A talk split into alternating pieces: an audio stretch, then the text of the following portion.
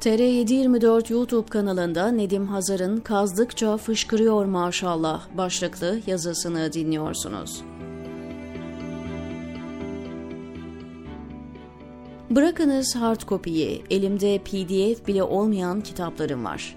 Dolayısıyla size daha hikaye formunda anlatamayacağım. Sanırım Ben Sonra Ağlarım kitabımda yayınlamıştım. Bir kaymakam yeni tayin oluyor bir kasabaya. Köyün birinde yalaka mı yalaka bir ağ var. Kaymakamın en büyük zaafı ise av.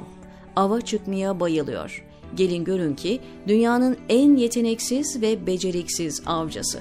O güne kadar bir tek kuş bile vuramamış ama her yerde avcılığına dair palavralar sıkmaya meraklı.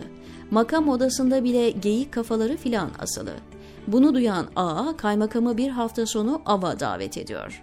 Bizim buraların kekliği boldur kaymakamım diyerekten. Kaymakam büyük bir memnuniyetle kabul ediyor daveti.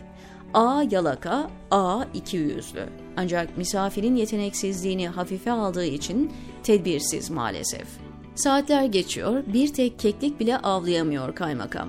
Sizin buranın keklikleri sinsi diye A'ya da laf çakıyor arada. Hiç olmazsa bir sülün vursaydı diye içinden geçiriyor A. Ancak mümkün değil. A'nın aklına bir fikir geliyor ve yaverini evdeki kafeste duran kekliği getirmesi için gönderiyor. Kafesten çıkan keklik yıllardır hapis olmanın verdiği iç sızıyla bir anda pır uçuyor. Kaymakam dağa taşa ateş açıyor. Keklik değildi o, şahandı bilirim ben. Keklik olsa kaçırmazdım diyor. Ağda başka çare kalmıyor ve yaverine gidip kümesten yeni tavukluğa geçen genç bir civciv bulmasını istiyor. Yaver getirip çalıların arasına salıyor gencecik tavuğu. Yaman avcı kaymakam nişan alıyor ve grav. Pata pata yamaçtan yuvarlanıyor bahtsız civciv. Kaymakam gururla dedim size kaçmaz benden diyor. Yaver koşuyor ve daha önceden boynunu kırdığı kekliği çalıların arasından alıp geliyor.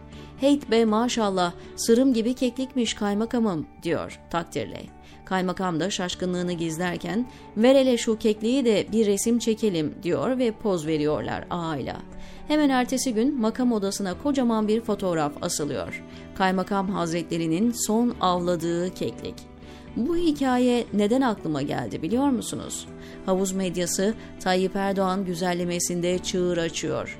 Biliyorsunuz onun için birkaç tane elektrikli arabayı dışarıda yaptırıp biz ürettik diye yutturdular reislerini. Seçim yaklaştıkça yurdun her yerinden doğal zenginlikler fışkırıyor. Sosyal medyada yazmıştım.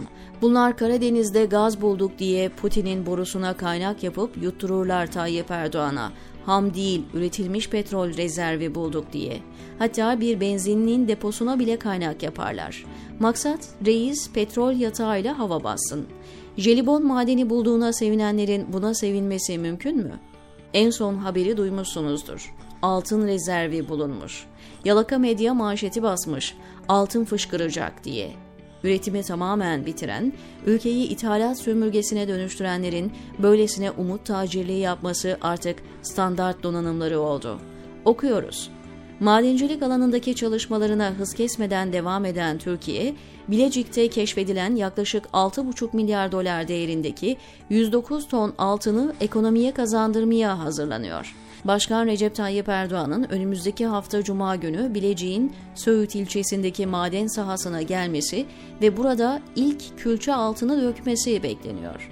Fabrikası olmayan otomobili üretip tesisleri kimseye göstermeyenlerin bir külçe altınla şov yapmasına kimse şaşırmasın.